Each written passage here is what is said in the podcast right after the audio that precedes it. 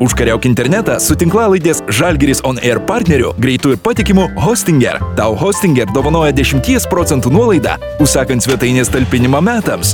Nuolaidos kodas Žalgiris.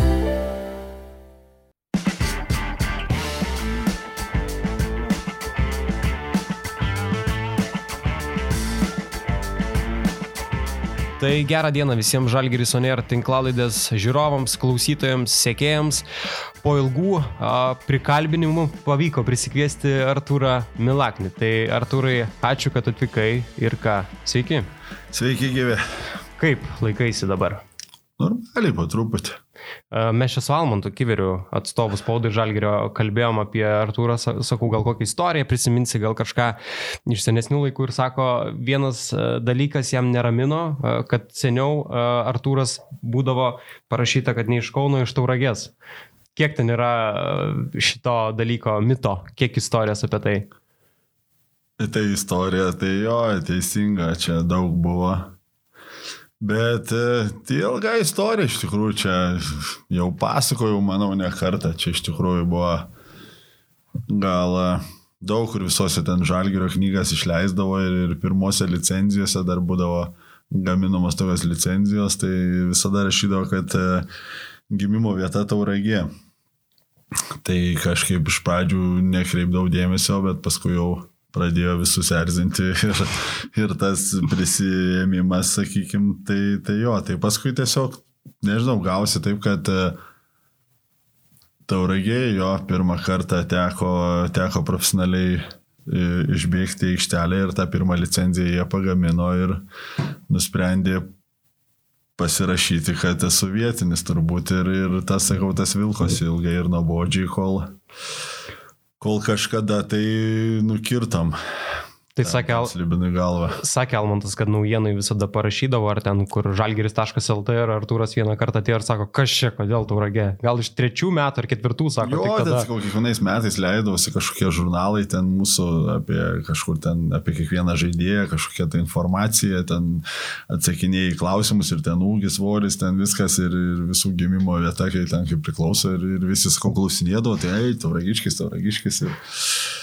Tai taip pat atėmė tą, tą gimimo vietą ir, ir tai po kažkuriais metais jau, bet, bet jau jo buvo praėjo kokie penki, tai tikrai metai, kol, kol pataisim šitą. Tauragės garbės pilietis jau, ar ne? Jau. Sakė, ir šventė kažkokia buvo kvietė, ar žvaigždžių diena? Jo, jo, teko sudalyvauti, jo, tenais e, buvęs savininkas buvo tuo metu meras Tauragės, Mičiulis, tai pakvietė sudalyvauti. Tai Šiaip buvo malonu tikrai sugrįžti ten, ten tikrai geri prisiminimai. Praleidau aš ten berots gal beveik sezoną, turbūt jo, ten praleidau, ne nuo pradžių gal buvau, bet, bet geri prisiminimai buvo, seni, seni, seni, paži, seni pažįstami buvo sutikti, pasijokėm, pabendravom ir, ir buvo, buvo smagu vienu žodžiu. Brolis atvedė į tą klubą tauragės. Jo, kaip ir, kaip ir kaip ir brolis jo jau žaidė tenais ir, ir, ir, ir toks jau buvau be, be baigęs tą savo krepšinį ir, ir kažkaip dublerius pakvietė pasportuoti į, į tą vadinamą trajautą tokį ir, ir, ir kažkaip jo broli žaidė ir, ir, ir pradėjo ten šnekėti su, su vadovais komandos ir kažkaip sugalvojo pasikviesti, o kažkaip jau buvo surinkę dubleriai į komandą ir aš tik tai treniravausi su dubleriais, o, o, o, o su jais, o tauragiai atidavė mane, mane žaisti. Tai tenais tik tai žaisdavau, treniruodavausi su dubleriais. Ai, per, per du, ar ne, tokius. Ja. Supratau, Artūrai, uh, kelkime į dabartį, ar ne, dabar yra be 15.3 ir aš galvoju, kiek tai yra tobulas ir tinkamas laikas pietų miegui ir kiek tai yra dabar atimtas tai laikas va, šito dalyko. Kava pastatyta, jau paruošta. Nu jo, čia taip jau gavosi, bet, bet pats, pats geriausias. Gal šiek tiek, šiek tiek anksčiau dar. Mhm. Einu negu dabar, bet, bet jau turėčiau jau būti jau giliam mėgė. Aš pamenu, kai Žalgerio radijai dar dirbdavau ir 15 val. turėjom laidą ir bandydavom visada tiek patį, tiek Ulanovą ar kitus žaidėjus pasikviesti ir visų būdavo tas pats atsakymas - pietų mėgas ir jokių kitų kalbų. Kiek tai yra tiesos ir kiek žaidėjai galbūt prisidengia tuom, kad e, nedaryti interviu. Ne, nu, manau, aišku, gal ten kokį kartelę, ne. Ir, ir pasinaudodai tą progą, nes, na, nu, aišku, ne visada, jeigu ten kokios rytinės, kai ypatingai nėra rytinės treniruotės, tai, tai ne visada būna tas pietų miegas, bet jeigu jau būna dvi treniruotės, tai jisai jau šimtaprocentinis visada būna. Bet ir pačiam tai yra svarbu, tai kreipia daug dėmesio, nes kiti, pavyzdžiui, yra žaidėjai, kurie kažką kitą eina veikti tuo laiku, ten žaisti su kompiuteriu ar skaityti knygą, pačiam svarbu tas miegas. Nu, jo, stengiasi, sakau, vėlgi tas priklauso dabar vėl tie treniruočių pobūdis jau keičiasi, jisai tokia viena treniruotė tampa ketvirtą valandą dažniausiai kokią, čia skau, būna po laisvos, tai visada dvi treniruotės, tai skau, per kai dvi treniruotės, tai visada tas pietų miegas ir varžybų diena visada, tai, tai taip, o kai viena, tai kaip kada, kartais jau priklauso, kaip, kaip ilgiau pamiegoji, nepamiegoji ilgiau, tapsime ryte ir, ir žiūri pagal savijautą. O su amžiumi aš galvoju, keičiasi šiaip, bet tie visi dalykai - miegas, disciplina, maistas pačiam daugiau dėmesio ir viskas panašiai, kaip buvo seniau.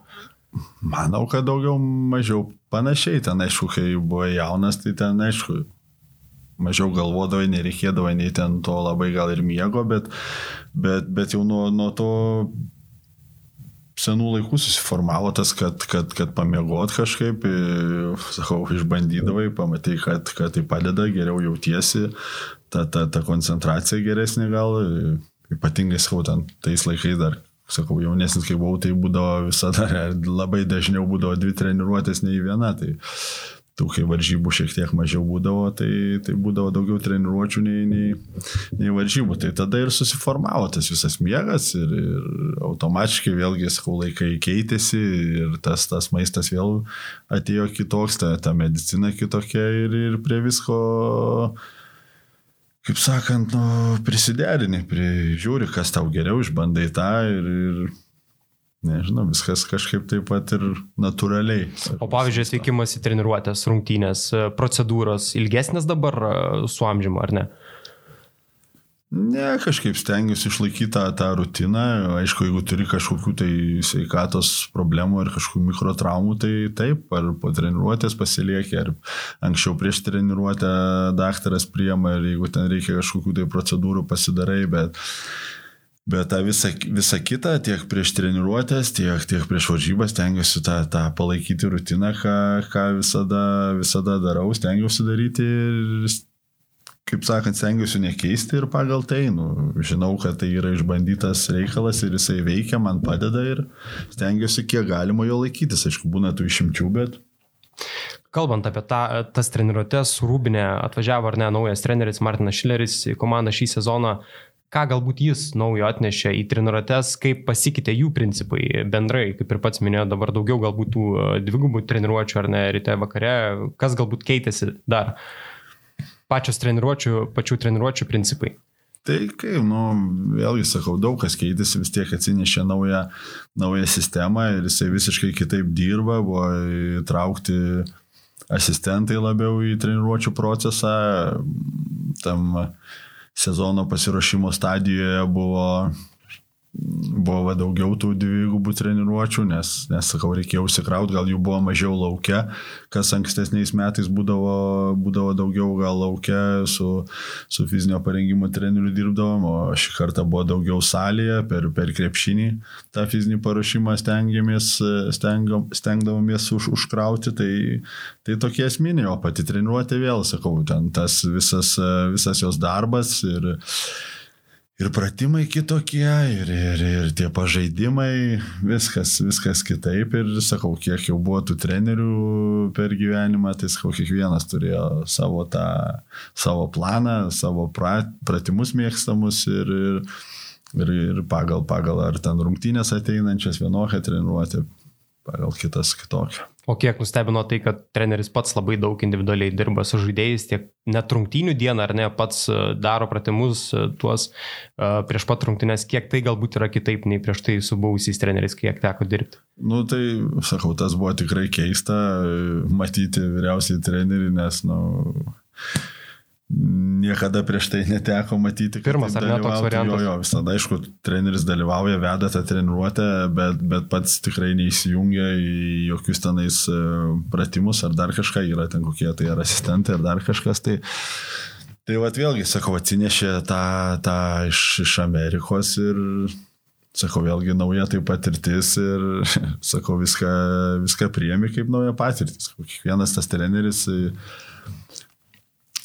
savitą tą atsineša požiūrį ir, ir tą visą sistemą ir strategiją ir tu stengiasi tiesiog pri, priprasti prie to, įsilieti į tą ir sakau.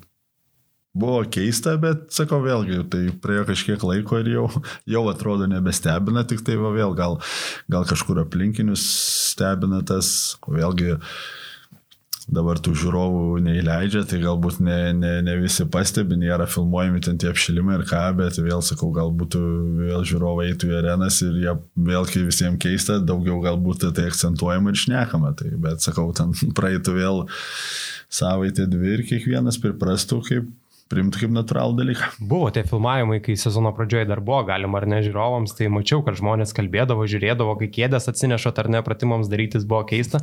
Man irgi galbūt pradžioje buvo keista, bet po to tu žiūrėjai ir pripranti ir atrodo lygiai tie patys pratimai ir viskas tampa tokia pat rutina. Nu jo, sakau, vėl buvo keista, kai tu daugiau mažiau tie visi, kurie buvo jau tie treneriai, e, vadinkim, tie europiniai treneriai, tai tie apšilimai prieš varžybas visada būdavo individualus reikalas. Tau reikia, tu naini pameti, tau reikia daugiau kažkur tai štanginiai padirbėti, tu dirbi štanginiai, gal tau nereikia iš vis metimų, tu neini mesti, tai, tai buvo labai individualizuotas tas darbas, o dabar e, treneris kažkaip suskirstė pagal pozicijas, kiekvienas turim savo laiką ir, ir tas darbas galbūt ir našesnis sakau, ten turi tas 10 minučių salė, 10 minučių su, su fizinio parengimo treneriu, tai ir stengiasi jas išnaudoti. Jeigu jau tik, kad reikia ekstra, ateini ateini anksčiau prieš, prieš, prieš visą laiką ir pameti dar ekstra, jeigu reikia. Kaip ir minėjai, dabar yra net ir rungtynių dieną suskirstyti laikai, ar ne, kas kada eina aikštelę, apšilinėti, daryti pratimus, o ką veikia tuo momentu rūbinėje, kai ne, ne pačia laikas. tai kas jau ką, tai aš ne, ten iš pradžių sakau, buvo labai keista, nes e, dar... Ką veik dabar namuose, tuo momentu, ne? Jo, namuose, tai tu čia gali atvažiuoti nors ir ten penkios minutės prieš tavo laiką, Tai o mes eidom kaip paskutiniai, tai iš viso ten jau galėtum atvažiuoti vienas paskutinių, bet vat, kur nors vad išvykoje, tai vis tiek visa komanda atvažiuoja vienodų laikų ir, ir jau iki to apšilimo mano tai būna tikrai dar likę nemažai laiko, būna kartais dar net iki kokios valandos, nu, tai ten sakau, tai neskubi, persirengi ten kažką telefone pažiūrinėjai ir tada pradedi ten kokius dar visokius ekstra kažkokius dalykus, ten stiprini tą, na, ir, ir taip ir prabėga, paskui sakau, pripranti ir jau atrodo natūraliai, jau susidėlioji tą, tą naują savo rutiną ir tu žinai, kad dabar laiko liko tiek, tai pradėsi tada, tada, pasidarysi tą, na ir viskas. Milane, kai šalia arenos viešbutis, tai buvo galima nusnus dar pusvalandų, kad ateit ant savo laiką. Jeigu būtume jo visi, e, nes autobuso pėsti, jie, tai, tai jo, dar, dar pamiegoti ir, ir ateiti jo. Tai. Bet yra taip visi bendrai komanda ir, ir Sakau, randi, pripranti ir, ir paskui jau nebepasti. O buvo dar dalykų tų amerikietiškų, ar ne? Pats irgi užsimeni, kad kažkas buvo iš Amerikos uh, paimta trenerio tą filosofiją. Buvo dar tokių dalykų, kurie galbūt uh, amerikietiškos stilius, kurie nustebino, galbūt iš tradicijų pusės. Nu tai ten, sakau, treniruotėse kartais, ko to ypatingai pradžioj, ten mes kaip ir prieš trenerius kažkiek tai rungtyniaudavai, ten Ne tai, kad ten visai pilna jėga, bet ten, sakau, jie, jie atlikdavo pol, polėjo poziciją, o mes, mes iš gynybos dirbdavom tą sistemą, tai visą prieš juos tai būdavo keista, kad atrodo liktais gali vienas prieš kitą tą patį daryti, tai būdavo pajungti visi, visi, visi treneriai ir, ir asistentai, tai, tai tas va iš tokių keistesnių šiaip, na,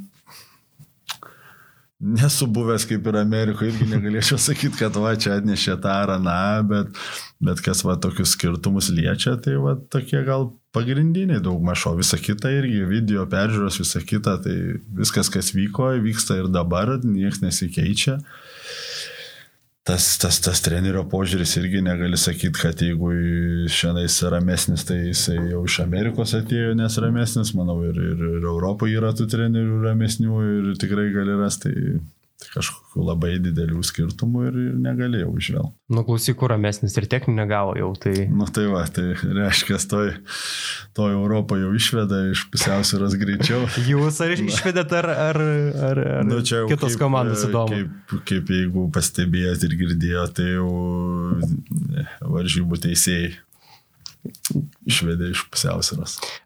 Pataisyk, jeigu klystu, prieš jam atvykstant Martinui Šileriui teko kalbėti per Zoom, ne, platformą, pakalbėti, kiek galbūt dabar yra tų pokalbio asmeninių su žaidėjais, e, tarp trenerio ir žaidėjų.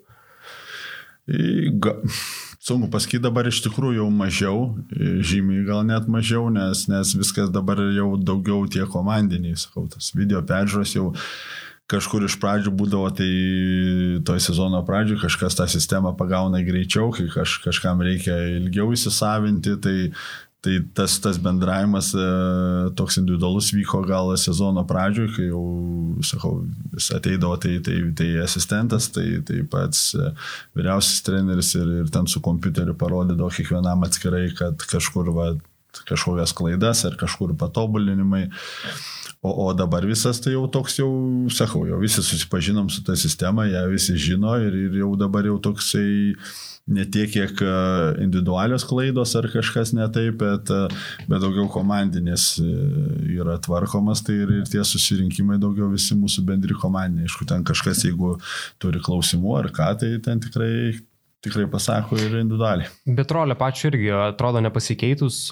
Buvo tų pokalbių su treneriu arba iškart suprato, ką tu moki daryti ir ko, sakykime, nemoki daryti aikštelėje.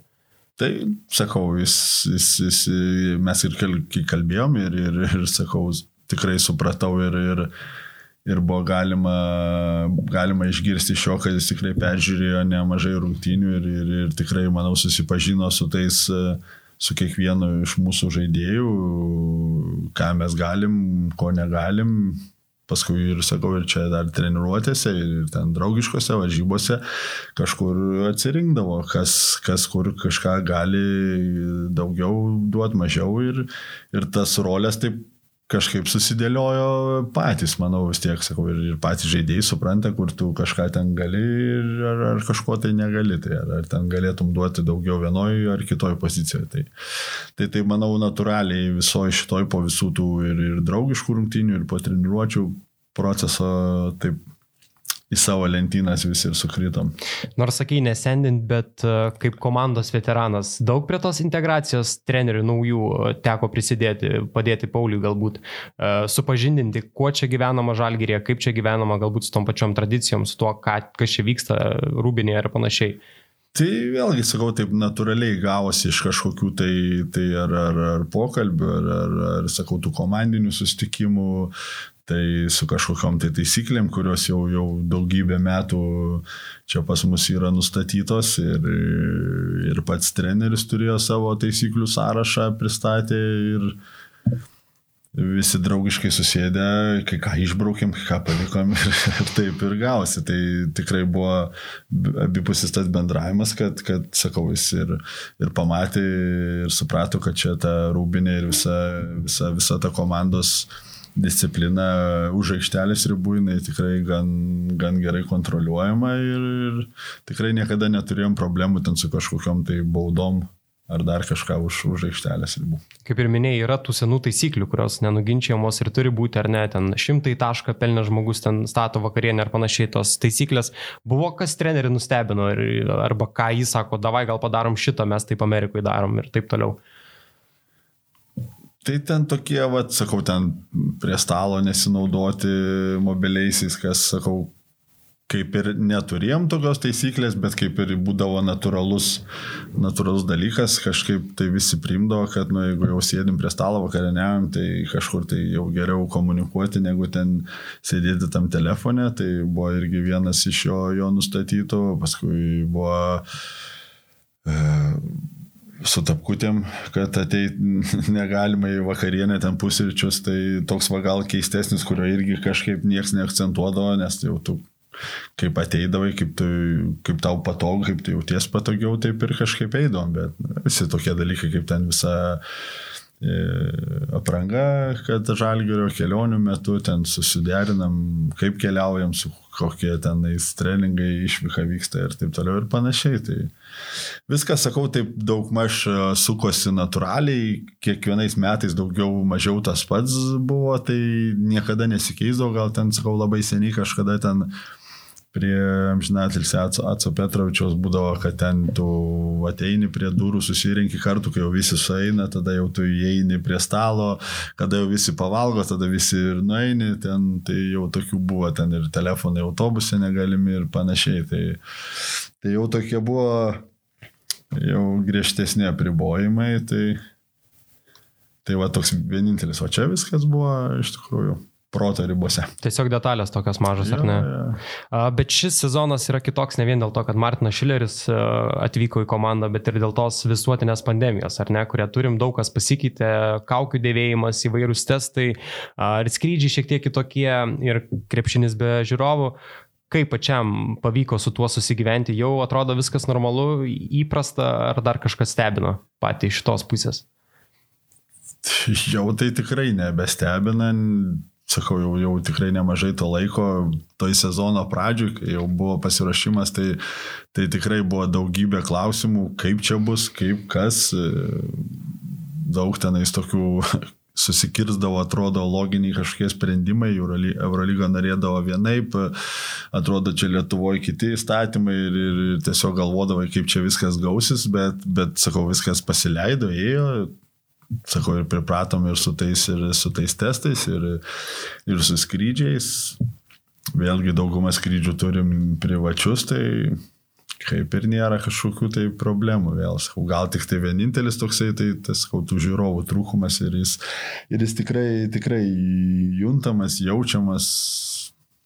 Tai kaip ir ateini rungtynės, viskas, viskas gerai, nusiteikimas, bet, bet tos, tos, tos rungtynių dvasios, kur, sakau, ir, ir pas mus arenoje, ir, ir kitose Europos arenose tikrai ta, ta atmosfera, nesvarbu ar tai, ar tai prieš tave, ar tave palaiko, bet, bet būdavo visai kitaip rungtyniauti. Kalbant apie tos žiūrovus, kiek skiriasi galbūt jausmas, kai prabusdavot seniau ketvirtadienį ryte ir suprasdavot, kad dabar Eurolygos diena ir šiandien žaisiu prieš 15 tūkstančių žmonių ir dabar prabundi ir supranti, kad vėl nieko nebus, tuščia, keičiasi tas kažkoks jausmas prieš tas Eurolygos rungtynės tas, ir kiek galbūt tenka su žaidėjais vienus kitus labiau motivuoti, nes, nu, supranti, kad niekas neužkurs aikštelėje, žiūrovų nebus. Tai čia gal nuo pat ryto nepradedi galvoti, kaip čia bus, ar, ar 15, ar kiek jų ateis, bet, bet jo, anksčiau būdavo, tie sakau, tie soldautai visi tai praneždavo daug anksčiau ir, ir, ir kelios dienos prieš tu žin, žinodavai, kad bus pilna arena, tai, tai jau ta motivacija netreniruotėsi kildavo, o, o dabar tai jo, ryte gal ne, bet kai ateini tą areną jau apšilinė, tai matai tik tai žurnalistus, daugiau nieko, tušios tribūnos. Mūsų atsibodusius veidus jau. Jo, jau tai, tai tas trūkumas yra, sakau, sunku, sunku nusakyti, negali sakyti, kad tu nepasiruošęs ar tu neužsivedęs, bet, bet jo, tas ypatingai žaidžiant namie, tai, tai tikrai duodavo impulsą. Tai, Sakau, visi atrodo, ką, nu, ką čia gali duoti, ką čia gali duoti, bet, bet kai tu žaisdavai, lakstydavai ant parketo, tai, sakau, ten po, po gerų epizodų ar, ar ten pralaiminėdavai, reikėdavo vytis ir, ir pagauni tą bangą, tai nu, tiesiog atrodo tave, tave patį neša ir, ir ar tu pavargęs ar ne, greitai atsirasdavo ir, ir tas papildomas ir energijos, ir kojose, ir rankose visur. Aš sakau, gal net tik iš, tik iš šono taip atrodo, kai nėra žmonių, kad garsiau kalbat, bet e, ta motivacija kitokia atrodo ir bandote garsiau nuo soliuko kalbėti, prieš išbėgant vienas kitą labiau apstumdot atrodo, nes supranti, jog reikia užmotivuoti tą žaidėją ar ne. Ir e, kiek galbūt tai yra privalumas, kad galite vienas kitą labiau girdėti krepšinio aikštelėje, kai nėra žiūrovų. Jo, ta, ta informacija taip jinai sklinda daug aiškiau ir, ir garsiau, bet, bet tuo pačiu momentu vis tiek tu žaidėjai, tas krepšinis yra super dinamiškas ir tu vis tiek turi pats priimti tą sprendimą, kažkur sakau, jeigu lieta ataka ten reikia, ar ataka eina į pabaigą, ar ten reikia subauduoti, tai, tai žymiai padeda, negu tenais per 15 tūkstančių tu ten bandai rėkti, ką nori daryti ir niekas es neišgirs. Tai, tai tas jo jo, padeda, vėlgi sakau, ten ta komunikacija ir, ir varžovas iš karto girdi ten jau sunku ir užslėpti ar tos derinius, dar kažką. Tai toks sakau, jis vėlgi kitoks tas, tas krepšinis, bet gal sakau dabar mažiau to slėpimo, nes nesunku užslėpti kažką. Ir, Bet, sakau, galima grįžti prie to, kad vienareišmiškai labai trūksta. E, net Martinas Šileris e, rungtynių pradžioje visada ant soliuko pasako, kad aktyvumą ir užsivedimo soleliui. E, akcentuoja tai irgi treneris, kad kaip svarbų dalyką, ar ne, kad visada komanda palaikytų. Kiek galbūt kaip žaidėjai būnant aikštelėje svarbu, kad matyti, kaip komanda palaiko nuo solelio esančių žaidėjų aikštelėje. Tai jo, tai ir, ir pabrėžęs, sakau, tą komunikaciją visą, kad, sakau, perdu tą informaciją, kartais tu ten žaisdamas, nu, kažkur tai pameti, gal su vienu prieš, su vienu varžovu, tu tenais keitiesi, keitiesi dengiamaisiais, su kitu ten kitokią gynybą taikai, tai, tai vad labai prašo padėti ten kitiem pašaukti, kad va čia dabar ten keisimės, darysim dar kažką. Tai, tai ta, ta komunikacija, jinai kiek galima ir nori išlaikyti ir tai kažkokį tą šurmulį, aišku, pakelti ir, ir po kažkokių gerų epizodų visi, visi, visi pakylam, visi paplojam ir, ir stengiamės kažkiek tai tą kompensuoti, bet aišku, tai yra labai sunku. Pats prieš išlydint startinį penketuką turi tokią tradiciją atsistoti į soliuko priekį ar ne ir visus išlydėti e, startinio penketuko žaidėjus. Iš kur čia atsirado toks įprotis, tokia rutina? Niekada į startą neinu. Galvoju, kažkaip reikia nepasivaidinti prieš kameras. Galvoju, reikia kažką sugalvoti. Nežinau, kažkaip jau senai, kažkaip e, jinai kilo, natūraliai irgi atsirado ir, ir sakau, tas toksai kažkur tai, sakau, matydavai, yra šiaip labai populiarus toksai dalykas, aš manau, kad, kad, kad gal kažkiek tai padeda ir, ir tengiasi kažką atiduoti savęs prieš startinę penketą. Nusilenkti ar ne? Nusilenkti jo tiem dievam. Pa, pamatėjai, kad niekas nedaro Lietuvoje, galvoje reikia įvesti, ar ne? Kažką naujo. Viskas nors, na. Kalbant apie testus, čia kad žmonės negalvotų, kad mes čia be kaukių sėdim, tai testuoti būdu ar ne, dažnai tai tenka daryti, kaip pačiam patinka šis malonumas. Nepatinka. Aš, Nepatinka, ne, aš, oho. Ne, aš neslėpsiu, nejaučiu, nejaučiu malonumo tame, bet, nu, ką darysi, reikia, tai reikia. Ir ačiū Dievui visi ne, neįgiami. Tikėkime ir tęsim toliau šitus neįgiamus. Tai vienas ką rokas buvo pakrytęs, tai, tai gerai, kad tik tai vienas, o ne daugiau. Tai. Brūkšniukų nededi, kiek kartų jau prasitestavai? Oi, tai čia. Nesuskaičiuosim, ar ne? Ne, ne, čia reikia labai jau. Kartais tai jau taip sakau, tų savaičių, kai kurių būna, kai jau ten po 3 ir 4 kartais net su, sukrenta. Kaip komanda reagavot, kai sužinojot apie Roką, prieš tai Džodžio tą ar ne, tokį kitokį testą ar ne? Kaip komanda reagavo? Gal Džodžio buvo tas testas toksai didesnis, tas šokas, sakykim taip, nes, nes jau buvom patreniruotės, visi, visi pietavom prie stalo ir tik tai nulipom nuo stalo ir sako, Džodžio eik iš čia teigiamas. Ir, ir tai visi iš karto pradeda gamintis, kur čia kas kada lietėsi ar kažką ten darė ir, ir pradėjo visi panikuoti, tada važiavam iš karto testuotis ir, ir, ir taip gavosi. Tai oro roko jo, jisai... jis pasijutė blogai dar varžybų dieną, jau pietuose gal nedalyvavo, ne po pietų gal jo. Tai taip kažkaip jo, kažkaip jau ramiau viskas buvo, kažkaip buvom, nu tai ką, kiek jau bus ten paskui jau grįžus, tiek jau bus, taip kažkaip jau laikui bėgant tiesiog susitaikai su tuo, nes tu matai, kad e, keliauji daug, eiti ten tų vietų daug, vis tiek kažkoksai tas bendravimas vyksta ir, ir komandos keičiasi, ir ten tu viešbučiuose būni. Stengiasi kiek įmanoma saugotis, tai manau kažkiek tai duoda, jeigu dar, dar tikrai po šiai dienai tikrai apsisaugoję esam, tai Bet jau visas tas toksai jau, jau to šoko jau tokio tikrai nebėra. Jeigu čia dabar dar kažkas susirgtų, tai gal tik tai ne tai, kad būtų šokas, kad susirgo, bet būtų gaila vat, prarasti tas dienas, tą, tą formą ir jeigu ten dar daugiau apsikrėstų ir tai visai komandai, tai sakau, labai būtų gaila to, to įdirbio, galbūt ką čia turi ir vėl paskui daug reiktų įdėti darbo, kol grįžtum į tą pačią kondiciją. E, vienam iš interviu paminu, dar pats, man atrodo, klausiau tavęs e, po rungtynių, e, vienų sakai, reikia džiaugtis vien, kad galim dabar žaisti ar ne, nesvarbu be žiūrovų ir su žiūrovais, reikia dėkoti, kelis kartus gal net paminėjai šitą frazę. Ir aš pagalvoju, ar buvo labai sunku tą pirmą karantiną ištemti, buvo labai atsibodęs ir panašiai, kad taip jau džiaugiai sugrįžęs į aikštelę. Čia sezono pradžioje, gal net per draugišką turnyrą.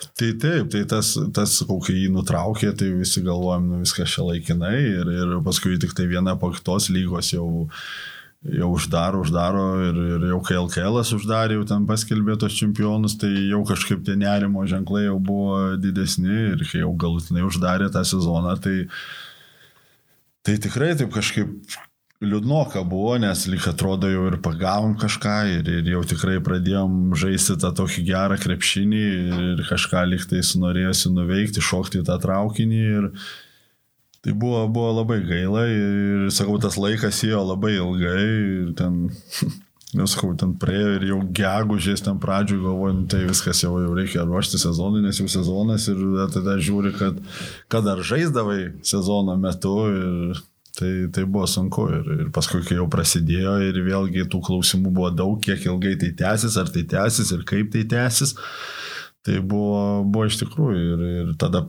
tas kiekvienas rungtynės tikrai priemi, priemi kaip šventė ir, ir džiaugiesi, nes tai, sakau, gali va taip imti, nutrūkti, kaip tada nutrūko ir, ir tu tiesiog nieko negali padaryti ir sukontroliuoti. Ir šiaip turbūt tas vasaris ar ne sausis dažniausiai būdavo žaidėjams tas momentas, kai labiausiai viskas atsibosta, tas sezonas, norisi galbūt šiek tiek palisėti, o dabar atvirkščiai, ar ne, kovo mėnesį davė atostogas ir galbūt tai leido vėl taip labai pasilikti krepšinio, ar ne, taip e, daugiau galbūt neįprasta nei būdavo seniau. Nu tai jo, tas, tas jau, jau sakau, tas kovas jau jis jau perėnė į tą artėjai link tų atkrintamų, jau baigėsi tie reguliarūs sezonai, tada jau ta vėl atmosfera ta kita sukyla ir, ir, ir tada ta vėl kreivė pradeda kilti, kai jau ten, sakau, kokį sausį gal jo ten jinai tokia būna up and down, tai, tai jo, tada jau pradeda kilti, tada tu jau lauki tų, tų, tų gerų rungtynių su, su visai kita, kita emocija ir jo čia viskas ėmė ir nutrūko. Tai, tai buvo keista tikrai. Ir, ir tas, tas visas ilgas laiko, labai ilgas laiko tarpas buvo iš tikrųjų. Buvo keistų kokio nors minčių šovė į galvą per karantiną iš to nuobodulio kad ten, nežinau, pradėti auginti gėlės, dar kažką tokių, kur niekada galbūt nebūtum prieš tai pagalvojęs. Nežinau, bet buvo už kažkada tai netyčia, taip gausiu, gal važiuosiu pabaltuoti.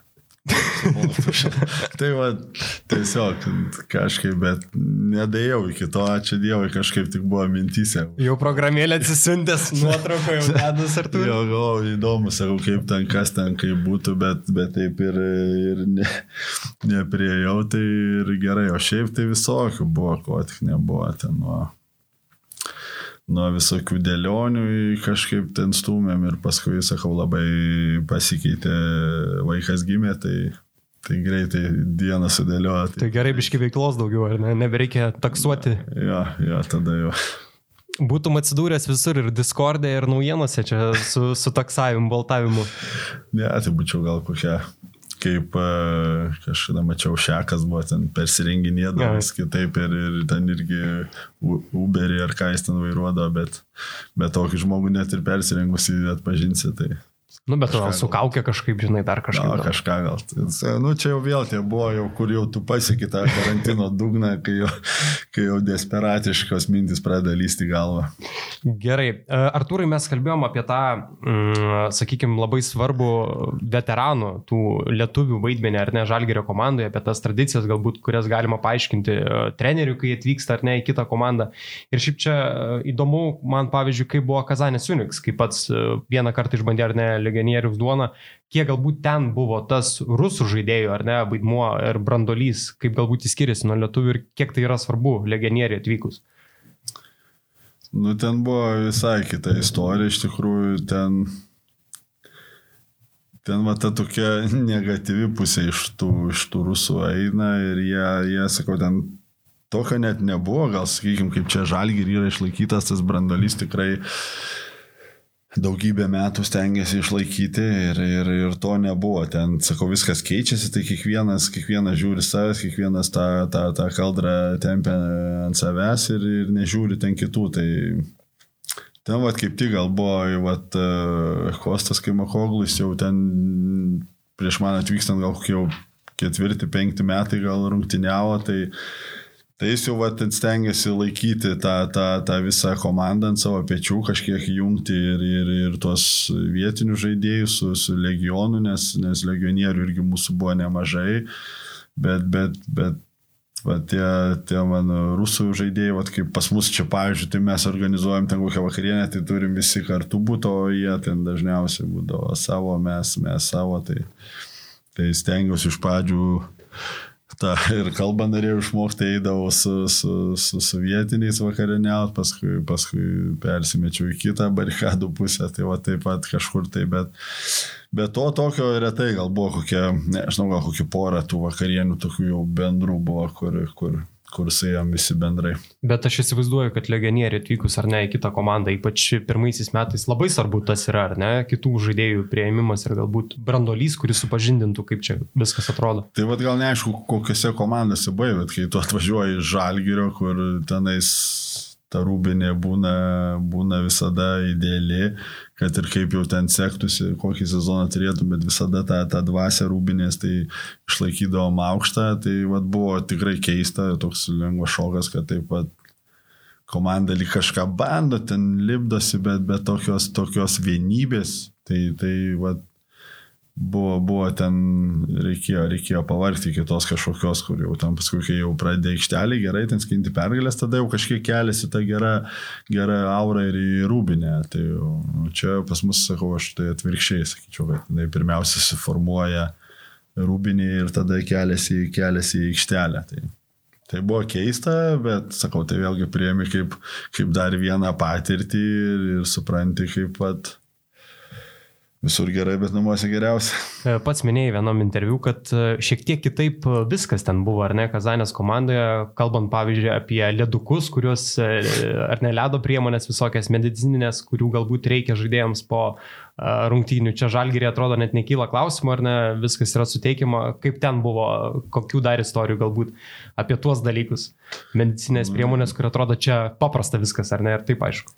Nu jo, ten, ten keista, sakau, buvo, buvo daug tų dalykų, nuo, nuo tų, ten ledo mašina buvo antiek maža, kad tau, tau priklausydavo du maišeliai ledo ir čia priklauso, kada tu išnaudosi juos. Jeigu turite paimti, tai vakarė negausi. Ar iš to ir išmokai taupumo? Jo, tai va, turėdavai dėliotis, kuri treniruotė bus sunkesnė, kada tau reiks, arba tada dėriesi su kažkokiu komandos draugu, kuriam galbūt nereiks tų dviejų maišelių, tai, tai kažkaip buvo ten, pradėjau kažką inicijuoti, tai čia susimetam, nusiperkam, sakau, taip negali būti, čia sakau, nu, Tai ten su tais pašneki komandos vadovais, tai ten, kam čia reikia, čia va, to įsniks už savaitės, pasisemsit į, į tą kiberą ir, ir pasišaldysit. Tai taip išgirsti galvoju, nu jo, va, čia tavo ir profesionalus klubas, kuris, kuris čia ruošiasi šturmuoti Eurocapą su tokiais dalykais, ten apie visokią ten kitą medicinę, ten ar kokių tenais e, ultragarsų dar kažko, tai ten nebuvo rasta, viskas buvo gydoma tabletėmis ir, ir viskas. Tai Nu, viskas nuo ten, nuo būto mašinos, ten, viskas ten įrašyta ir, ir vat, kaip įrašyta, vat, tau kontraktai įrašyta būtas ten su reikalingais baldais. Ten niekada ten, aišku, tu net negalvoji, kad tau reikia įrašyti tą kontraktą, kokio būtų, su kokiais baldais. Ir tu ateini, duoda iš šešių kambarių būtą ir kiekvienam kambarį po vieną baldą įstatytą. ir jisai su baldais sako. Nu tai va taip, va, ir ten automobilis irgi tokį ten po ilgų Sėdinim ar be sėdinių norit? Sus, nu, buvo iš tikrųjų jokinga, bet kitų buvo ten be lempų, žinai, ten, nu, Tai buvo labai, iš pradžių žiauriai šokas buvo ir be, paskui pradedi, pradedi juoktis, nes buvo e, centras Viljamsas e, Latėjusas. Tai gavo, gavo tą regą jisai tokį tą senesnį ir važinėjo, važinėjo ir jau tas oras atvėso. Sako, neveikia šildymas pas mane. o tenais taip, nu, ten, ką žinau, ten jau lapkričio galėjau, ten gruodį jau, jau koks apie minus 15, minus 20 jau būdavo. Tai, tai jis tą mašiną palikdavo ir su taksu važinėdavo, kol ten atšils, tai ten bandė tvarkyti, ne, neatsimenu, ten, man atrodo, net nesutvarkė tos mašinas. Tai. Tai va ten tas požiūris buvo, tai sakau, ten ir buvo kitais metais jie. Jo, kitais metais pateko į Eurolygą, aš tada grįžau čia į Žalgirį ir jie atvažiavo ir tas komandos vadovas atėjo čia jisai į tą areną, ten į Rūbinę pasiprašė ir sako, wow, čia jūs, blemba, čia tu viską turi, čia Sakau, nu tai va viską turim, sakau, jūsų biudžetas kokiais trim kartais, sakau, už mūsų didesnis, sakau, jūs nieko neturite. Jie žiūri į tą kamuolių padavinėjimo mašiną kaip į kokį ten pasaulio stebuklą. Ten, atrodo, sakau, čia nieko nekainuoja tokie dalykai ir, ir kaip, kiek jie pinigų turi, tai, sakau, ten paskui sakydavo, kad jų, jų, jų jų požiūris ten mes mokam didelius kontraktus, tai jūs patys ir savim pasirūpinkite. Va būtent e, tas jų požiūris turbūt ir yra, ar ne, kad pastatom lagaminą ar ne ant stalo, bet ja, nieko daugiau neduodam. Tai va, tai, tai visi taip ir, sakau, kas nors traumą gaudavo, tai sakau, vienas krizdavo ten į Maskvą, kitas ten dar į kokias klinikas, viskas taip, taip keistai būdavo, kad, kad sakau, visi, visi, visi, kas savo keliais iš tikrųjų išsilakstydavo ir ten tie visi ką sakau, ir savo mašinas nusipirkdo, ten, pavyzdžiui, Lenkfordas jisai savo mašiną buvo nusipirkęs, ten net, nu, net nevažinėdavo ten su tais, ką, ką duodavo. Tai, vat, nori gyventi geriau, tai tiesiog tada investuoji į tą, į tą savo gyvenimą daugiau. O ką tu darėjai su mašinom, kaip nemažas automobilių fanatas? Tai vargau, būtų įsinovavau iš tikrųjų, nes, nes buvo ten... Tai ko tas šešių kambarių blogas? Tai per didelis. Pasiklysdavo. Virtuvės. Pasiklysdavo, nežinodavo, kur tenai. Ne, labai ten buvo be parkingo, be nieko, ten skupas treniruočio vėlai grįždavo, tą mašiną turėdavo palikti realiai prie arenos ir grįžti namo peškom, tai, tai įsinamau būtą, o mašiną ten jo iš pradžių negavau, gavau vairuotoją, bet tas vairuotojas visada pykdavo, kad ten reikia kažkur man pavažiuoti, ar tai parduotuvę, ar, ar ten į treniruotę, tai jis visada piktas. Tai, Tai kažkaip įsikovojau Toyota Camry 99 gimimo. tai buvo.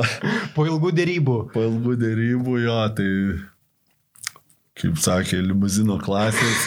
Taip sakė. jo, tai didelė mašina, tai Nu, ten daug, su, ten palikdavai mašiną, pavyzdžiui, išvažiuodavai kelionę mašiną, palikdavai tenais su, pil, galvoju, su, su, su pilnu vaku grįžti po dviejų dienų, visi ten išvažinėja tavo kurą, žinai, ten paskui pradedi nebepalikinėti, tada kodėl tu nepalieki. Nu. O tai ką, raktelius irgi reikėdavo palikti mašiną? Nu jo, tu ten palikdavai parkingą, paliekė raktelius, ten jie kažkokį ten garažą suveždavo tas mašinas, ten kažkur prie arenos, kad ten atseit prie to minus ten 25-30 jos ten užsikurtų dar. Tai sakau, grįžti, žiūri, vėl reikia degalinę važiuoti po dviejų dienų. Tai tokias juokingi, bet vėlgi, sakau, pripranti ir, ir, ir vėlgi, priimi ten, sakau, jau toks buvo mentalitetas ir, ir viskas buvo priprantė ir gyveni. Užsiminė apie Kostą, ar ne, komandos buvusi draugą. Man įdomu, ar jis ir buvo tas žmogus, kuris paskatino augintis barzdą. Nes prieš tai žalgerėje neauginai pats bardos ir po to grįžęs jau, jau buvai su barzda. Jau buvau pradėjęs prieš. Nu, bet dar, dar nu, netokia. ne taip, jo, bet, bet ir buvo tikslas, ne, jisai tikrai nebuvo, buvo tikslas jau nuvažiavęs, buvau, norėjau kažką ten priauginti ir, ir labai, labai didelę, bet Bet vėlgi ta Rusija ir, ir kažkur norėdavai tenais uh, apsikirti ar ten tą barzdą patrumpinti, tai vienur nuvažiuoji, vienur ten nutrumpina per daug, kitas ten iš vis klei, kreivai šleivai, ten prireikė laiko, kol, kol atradau tą, tą, tą barberį, kuris tikrai tvarkingai, tvarkingai atvarkė ir, ir, ir prižiūrėjo. Bet tai klausyk, nebuvo nuobodu gyventi, kai tokių visokių bairių buvo, ten neprailgo tie metai. Tai jo, tai sakau, vis, vis, sakau, jų vis kažkur atsirasdavo ir, ir, ir, ir ten tose kelionėse kažkur tai važiuodavo visada, ten niekas nežiūrėdavo, pavyzdžiui, ten kaip prie gerbimo Šarūno, tai mes turėdavom, ten maistas visada būdavo vienodas varžybų dieną viešbučiuose, o jie, kai keliaudavo, jie norėdavo išragauti visą tą virtuvę nacionalinę, tai, tai ten galėdavo, ką norėdavo prisivalgyti. Tai, va, aš sakau, skambindavai, kalbėdavai su draugais, nu netikėdavo, tiesiog paprasčiausiai skydavo, eik, tai taip nebūna. Nu tai vis ten, sakau, vis, tai vienas atvažiuodavo, tai kitas ir, ir sakau, jie pamato ir Nu, ką aš tau sakiau. ir tada ir supranta, kad dar, sakau, kartais kaip gerai gyvenam čia. Mhm. Aš galvoju, po to sezono, kai grįžai pats į Žalgirį, ar ne, ir prasidėjo visas augimas kartu su Šarūnu Jasikevičiu, ar ne, Žalgirio, ir po to buvo tas 2017-2018 metų sezonas, kai patekote į finalinį ketvirtą, ar tada jautėsi, jog visai kitas tas atmosferos dalykas, ar ne, komandoje, grįžus iš ten ypač jautėsi tas skirtumas. Tai jo, tai vėlgi čia grįžau, kur žinojau, kas ir kaip. Ką palikai, ar ne? Jo, jo, ir viskas kaip tik dar kilo, tobulėjo, ta prasme, ne vien, ne vien tada krepšinis kilo, bet ir kilo visi užkulisiniai dalykai, tiek, tiek arenas, visas personalas, aptarnavimas nuo tenais kelionių iki, iki viso kito, iki to viso rūpešio žaidėjų, tai buvo, buvo kažkas tai wow. Ir, ir sakau, grįžti ir tada, sakau, kaip, kaip diena ir naktis tas skirtumas buvo. Ir, sakau, tada atvyko ir ta Kazanė ir sakau, va, parodžiu, sakau, va, taip, va, turi, turi, būti, turi būti klubas, turi būti mylimi jo žaidėjai ir tada daug lengviau ir prisikviesti žaidėją ir, ir tuo labiau jį išlaikyti, prasitęsti kontraktus, kai jisai, kai jisai turi tokias sąlygas. Tai, tai buvo, buvo žiauriai gera, gera sugrįžti ir vėl, vėl žaisti, žaisti krepšinį čia namuose su žiūrovais ir, ir, ir dar tokį gerą. O kai išvykai Kazanė, buvo kažkokių kitokių pasiūlymų iš kitų galbūt komandų? Kažkas tai buvo, sakau, amžinatelis agentas, jis ne, nemėgdavo drėpti ant stalo ten tų visų, jisai visada sakydavo, kad, kad kaip sakant, niekada neskydavo, ai čia domisi tas, tas, tas ar tas ir tada, žinai, tu sakai, nu, tai va, galva, einam su tais ir tada, na, tai čia, žinai, nepatikė dar kontraktą. Tai jis jau, jau patiekdavo jau tą, kai jau būdavo tikrai jau atsiųstas kontraktas ir, ir ten nereikėdavo dar kažkokių, kad prisigalvotis, niekada nesukurdavo tų kažkokių iliuzijų, kad ten domisi vienas ar kitas. Tai, tai, tai, tai žinau, paskui, paskui po Kazanės dar buvo, buvo tų pasiūlymų, bet, bet sakau, nusprendžiau grįžti namo ir, ir ir tęstis čia. O per tą laikotarpį, kaip pats žaidė ir Žalgirį ir Kazanė, buvo tokių uh, kurioziškų pasiūlymų, galbūt netokių realių, kur agentas pasakydavo, kad tave va čia kviečia NKL komanda kokią nors ar, ar panašiai. tai ar ten Jugoslavijos šeštos lygos, ten žinai kokia. Jo, gal dar prienuose buvau ir, ir su tokiu agentu Slovenas gal berots buvo, tai ten sakė, kad ar man čia, ar manis, žinai, domisi ir čia vedu dėrybas dabar, tai, tai kažkaip buvo jau iš karto supratau, kad, kad netoj lygoje mes su juo. Kažką biški trina, ar ne? Nu jo, jau čia kai taip, žinai, visą. Ta jau žemę po kojomis dar jausdavau visada, tai, tai jau labai lengva būdavo suprasti, kur kas. Ir, ir sakau, ten kitą dieną vėl kitas išeina, tai tokių, sakau, visi domisi, bet kai sakai, tai ten dar turėjau išvykimą po prienų, po naujų metų, beros ten po Eurocapo po grupių Tai kai jau reikėjo išvykti, tai tada staiga jau nei vieno nebebuvo. Bet šiaip gerai, va taip galvelę gali susukti, jeigu mažiau stovi, stovintų kojo ar ne, jau gali vakare grįžęs galvoti su Milano jo, tai ten gali prisikurti, tai sakau, ypač ten dar jeigu jaunas esi, tai ten Sakau, man iš pradžių taip lik ir atrodė keista, kad agentas iškart pasakė, kad, kad, kad tikrai nekurs tenais kažkokių nebūtų istorijų ir, ir ten jam sakys visus, kas ten kažkur kažką ten užsiminė ar dar kažką. Kol, kol nebus rimto solidaus pasiūlymo, tol jis niekada nesikreips į mane, tai taip iš pradžių net ir keista buvo ir, ir, ir, ir taip pikta gal kažkaip lik ir norisi sužinoti, bet, bet kai nežinodavai, tai ir sakau. Ir, ir širdies neskauda, paskui kažkur išlindo tokie galai, kur galėjo gal vienaip ar kitaip viską susiklostyti ir, ir tada biški jau buvo, buvo pykčio, bet sakau. Reiškia, likimas sudėliojo taip, kaip, kaip turėjo sudėlioti. Kaip ir sakai, grįžai, ar ne, į Žalgirį jautėsi tas kilimas po Kazanės, e, organizacija kyla, komanda kyla, viskas atrodo gerai ir tada tas sprogimas 2017-2018 metais, ar ne? Patikimas į finalą, ketvirtą Ar nuo pat sezono pradžios jog jautėsi, jog ta komanda kažkuo ypatinga, kitokia, ar ne, turinti potencialą taip aukštą kilti? Gal jau sezoną prieš tada buvo jau taip jau į galą to sezono kažkaip pasijauti, kad, nu, blema, čia bus kažkas kitaip, žinai, čia pradėjom kažkaip kitaip žaisti, tada tas, sakau, tas atėjo ypatingai pasijauti pirmiausia, kai išvykose pradėjom žaisti kaip lygų su lygiais, ko, su kitom komandom, ko, ko anksčiau ten, sakau, net nesvajodavai. Važiuodavom pakovoti. Ten, na, pažiūrim, kas bus tas bus, žinai, ten vos nereikia šitą kelionę atstovėti ir viską, žinai. Tai, o jisai, sakau, pakeitė greitai, apvertė tą tą mąstyseną, tą, tą nusteikimą ir, ir sakau, tada visi, visi suprato, kad, kad tikrai čia, čia mes, mes rimtai nusiteikę ir, ir tada tą kitam sezonė, vėl tą kitą sezoną, kai pradėjom, tų pasikeitė žaidėjų ir, ir tas iš pradžių vėl atrodė, kad vėl tą vargsim, vargsim, dirbsim ir, ir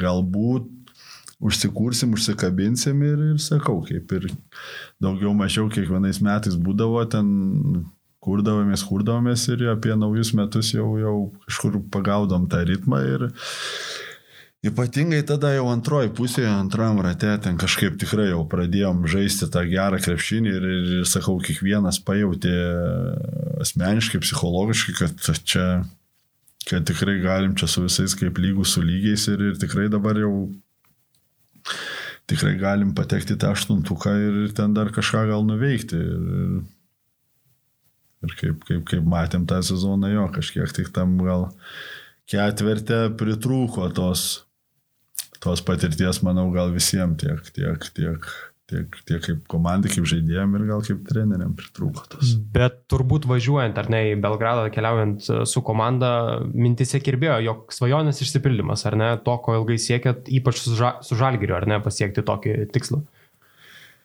Jo, tai ten jau kai pasibaigėm čia su, su Pirėjų, apžaidėm paskutinės rungtynės čia arenoje, tai jo, tada jau, jau tos mintis pradėjo, pradėjo kurtis. Uh, kaip čia bus, vis tiek tas ketvirtas vėlgi ir kiek tu per televizorių žiūrėdavai, tai ten tos prognozijas niekada, niekada neįsipildydavo ir, ir tie visi milijonai ir tie visi žaidėjai staiga tampa, tampa lygus ir, ir tu niekada nežinai, kokia diena bus tau, tau ir kokia diena bus tavo varžovai. Tai, tai tų minčių visokių prisigalvoji, prisikuri, kad tikrai gali sukurti dar vieną, dar vieną stebuklą arba, arba sakau, gali sudėkti visiškai. Tai, Tai tų visokių buvo ir, ir atrodė lyg ir viskas gerai ir, ir ruošėmės tvarkingai, normaliai, bet tas, tas, vat, pirmas rungtynės su, su Feneriu kažkiek tai.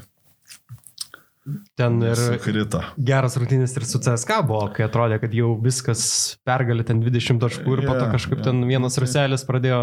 Tai va, sakau, tas, tas tų vienų rungtynių tų vienų rungtynių vat, kaina tokia ir yra, kad, kad tu vat, nežinai, kaip sužais, vat, ten, skau, CSK gal jau lyderiai su kita, kita motivacija važiavo ir jiem ten ta trečia vieta nerūpėjo, mums tai ten mums dar vienas finalas tiesiog buvo ir, ir tiesiog norėjom laimėti, neišva, neišvažiuoti iš to ketvirto paskutinį. Ir, Bet vat kažkas, vat, kur jaunimas kitas, kuriam ta proga pasireikšti buvo, buvo viskas, jis irgi turbūt jos laukė ir gavęs ją puikiai pasinaudojo, tai ten pradėjo, pradėjo žaisti, mesti ir viskas dar galėjo pakrypti į bet kurią pusę. Bet turbūt tas pasitikimas rotušėje grįžus irgi buvo vienas ar ne įspūdingiausių. Tai viskas buvo ir, ir tas pats palaikymas ketvirtė buvo tikrai privažiavo labai daug tų, tų lietuvių, tų fanų ir sakau, ir po tos, po tos trečios vietos ir, ir laimėjom ir, ir tenais padėkoti, paplot nori, jau kiti jau ten organizatoriai veja, ką jūs čia džiaugiatės, eikit iš čia, užleiskit, užleiskit vietą, vietą pagrindiniam komandom, tai mes dar tenais šventėm tą, tą, tą trečią vietą, sakykim taip, tai jo, tai ir viskas ir čia Lietuvoje apskritai visur, kur tu tais metais, kur, kur jau kur eidavai ar kažkur ar miestą, dar kažkur visi, visi tikrai buvo euforijoje ir, ir visada paminėdavo, padėkodavo, pasveikindavo, tikrai buvo. Buvo vieni, vieni tikrai išskirtinių metų. Yra su kuo palyginti tą pasitikimą rotušėje, galbūt iš LKL, iš Vilniaus, kada nors, kai grįžot su pergalė čempionų žiedais? Buvo, Nu jo, jis buvo tikrai neblogas, ne, ne, ne bet kažkada atsimenu po LKL žiedų beros iš Vilniaus grįžom ir, ir čia irgi buvo viena gal pirmųjų tradicijų rotušiai. Tai atsimenu, buvo nežmoniškai daug žmonių tada, ten, nežinau, pirmas ar antras gal žiedas buvo mano, tai, tai atsimenu, nepamiršiu, tikrai buvo kažkokia begalinė masė žmonių šitoj rotušiai. Tai, Tai tas vat, pasitikimas vėlgi tada, kai tu grįžti kaip čempionas, tenais Lietuvos ir čia kaip iš, iš to ketvirto, bet, bet sakau, tas dėkingumas žmonių tai buvo irgi, irgi nerealus, kad, kad sakau, susirinko visi tenais kaip ir kaip, kaip vos ne kaip čempionas tiko. Klausyk, Artūrai bėga metai ar ne, bet aikštelėje vis dar po 20 minučių žaidži, va dar pasižiūrėjau vakar, tai jo, 20 minučių, gal, nu, galbūt net šiek tiek daugiau. Aikštelė Eurolygoje bėga tas laikas, bet e, kas, kaip manai, leidžia tau užbūti tiek dar nemažai žaidimo aikštelė? Žaidimo stilius, e, ar galbūt tas e, žiūrėjimas rimtai tą discipliną į polisį, miegą, kas leidžia išbūti, ar visko viso suma? Tai visko visuma, aš galvoju, susideda ir, ir, ir tas stilius žaidimo, ir aišku, tų, tų traumų nebuvimas. Antrą kartą šiandien. Jo, nu, bet reikia jo, kad čia taip išprovokuoji tokius klausimus. tai viskas susideda, tai vėlgi ir, ir aš galvoju, su tais metais ateina į tą galvą, kad tu nenori dar trauktis ir nori dar kažką, kažką nuveikti, kažką įrodyti ir, ir tada stengiasi, kabiniesi į tą kaip galėtum ilgiau pratesti tą, tą savo karjerą ir, ir galvoju, tai ta visa visuma ir susideda kažkiek ir, ir, ir nežinau, gal kažkokie ir, ir genai, ar, ir kad tos, tos veikatos yra ir, ir tikrai jaučiu, kad dar tikrai gerai jaučiuosi, net nėra kažkokių tai minčių, kad jau blemba čia gal kažką jau reiktų galvoti, taip, taip tikrai nėra ir, ir sakau, džiaugiuosi, kad dar kažkiek tai gali, gali būti naudingas ir likti tame, tame lygiai ir, ir sakau, stengiasi kiek įmanoma dar, dar jame išlikti, kiek, kiek galima ilgiau. Bandai lyginti su J.C. Carroll, ar ne, iš e, Madrido Real?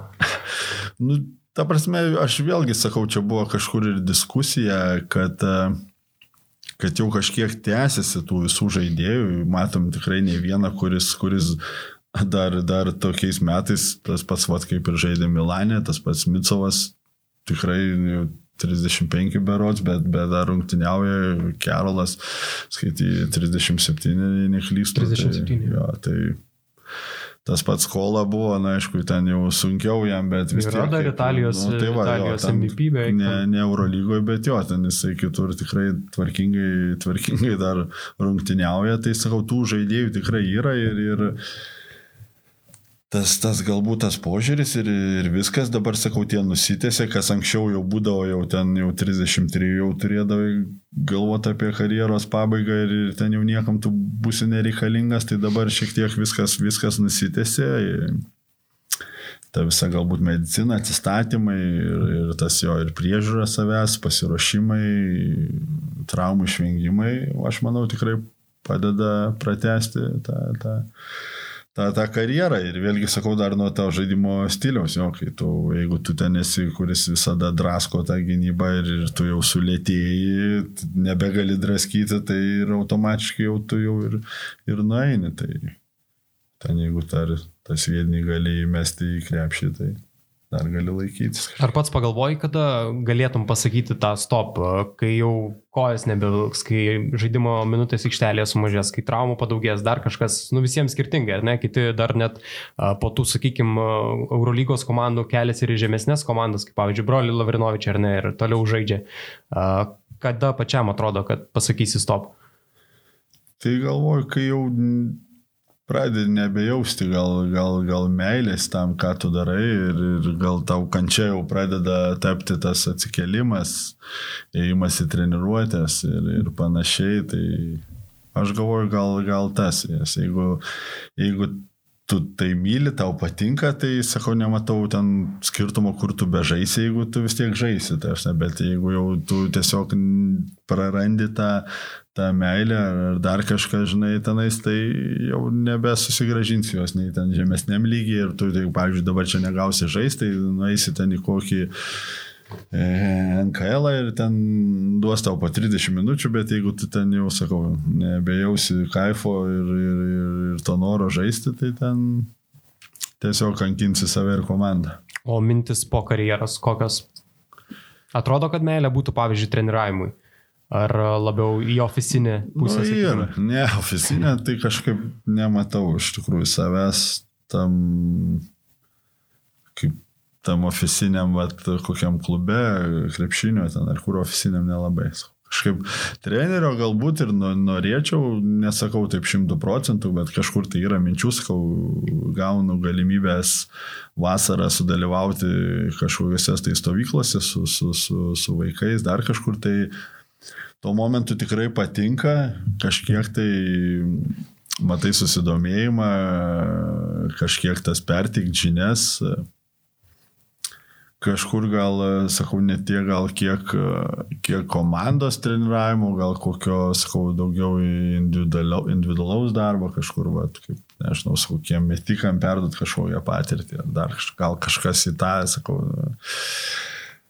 kažkur tai giliai pasąmonė kartais praplaukia, vat, kai kas nors pa, paklausia, bet, bet sakau vėlgi ir tuo pačiu metu ir, ir išeina tos mintys, dar, dar sakau, nesikoncentruoju, nes, nes nežinau, sakau vėlgi turi pajausti, kad, kad tu tą nori, nenorėčiau to eiti išbandinėti kažkur, eiti patreniruoti tą, patreniruoti tą, nesigavo, tai gal nueiti į ofisą, nesigavo ir tada ten klaidžiot kažkaip norisi nuspręsti, kur tikrai nori eiti visą, visą širdimi, visą galvą ir, ir atiduoti visą save, jeigu tu jeigu nuspręsi eiti į treniravimą, tai noriu tenais tada ir pasinerti pilnai tą, tą, tą darbą. Jonas Mačiulis mūsų podcast'e prieš pusmetį gal sakęs, sako, negalėčiau dabar treniruoti, bent jau kol kas, nes neturėčiau kantrybės su jaunesniais žaidėjais. Tiesiog tas nusiteikimas jų ir požiūris į darbą visai kitoks nei būdavo mūsų kartos. Uh, yra, jaučiasi tas galbūt stebint jaunesnius žaidėjus? Tai jis visada kantrybės niekam neturėjo, tai čia iš, iš jo daryti čia trenerį. Išvadų tai neturėtų.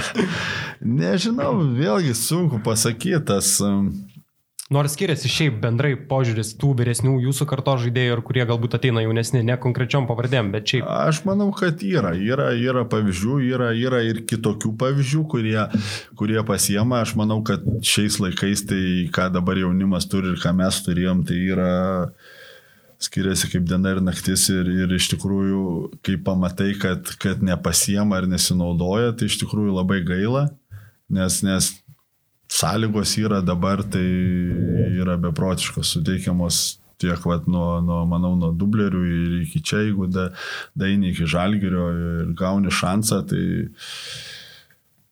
tikrai gali, gali nuversti kalnus ir, ir labai daug ką nuveikti, tik tai belieka turėti tą gerą nusteikimą, motivaciją ir norą dirbti,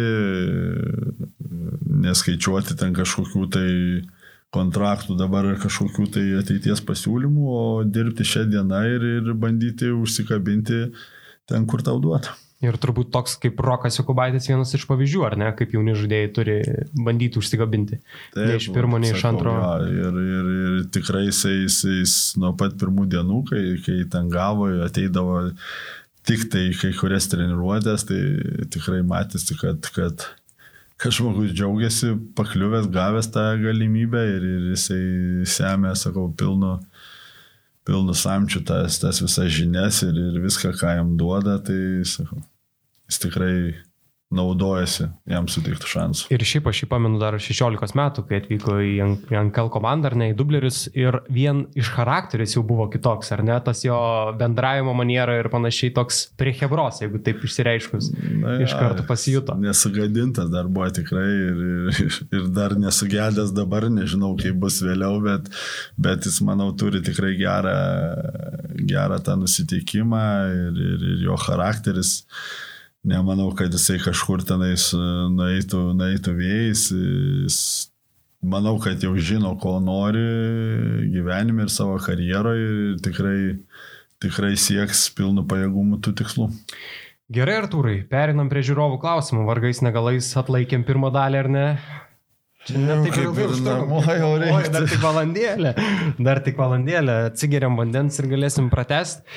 Mūsų laidos prizus bei žiūrovų klausimų sekcija pristato Žalgerį Shop, kuriame galite įsigyti ir moterišką suknelę, juostą bei išskirtinio bei riboto leidimo Žalgerio laikrodžius. Visa Žalgerį Shop prekes galite įsigyti ne tik jų fizinėse parduotuvėse, bet ir internetu žalgerishop.lt. Ir mano yra džemperis būtent žalgerishop.lt ir mūsų įsteigti prizai yra būtent iš ten. Tai klausimų pridėrėjo nemažai, žmonės pridavė, po to bus dar viena rubrika, tai čia iki penkių baigsim. Šiandien baigsim. Penkių baigsim. Gerai. Šiaip patinka žmonių klausimus atsakinėti, ar nelabai? Nebaisi. Važiuojam. E, Neris Kundratas klausė, per komandos pristatymą Eurolygoje dažnai įsikandi komandos gairelę burnoj. Klausė, ar tai ritualas? Ką duoda tuo momentu, nes būna visko, būna ir, ir tušinuką gauni, ir, ir pakabuką, tai gairelė lengviausia, tai nes su, sumušiniai tom rankom, tai, tai, tai, tai dažniausiai.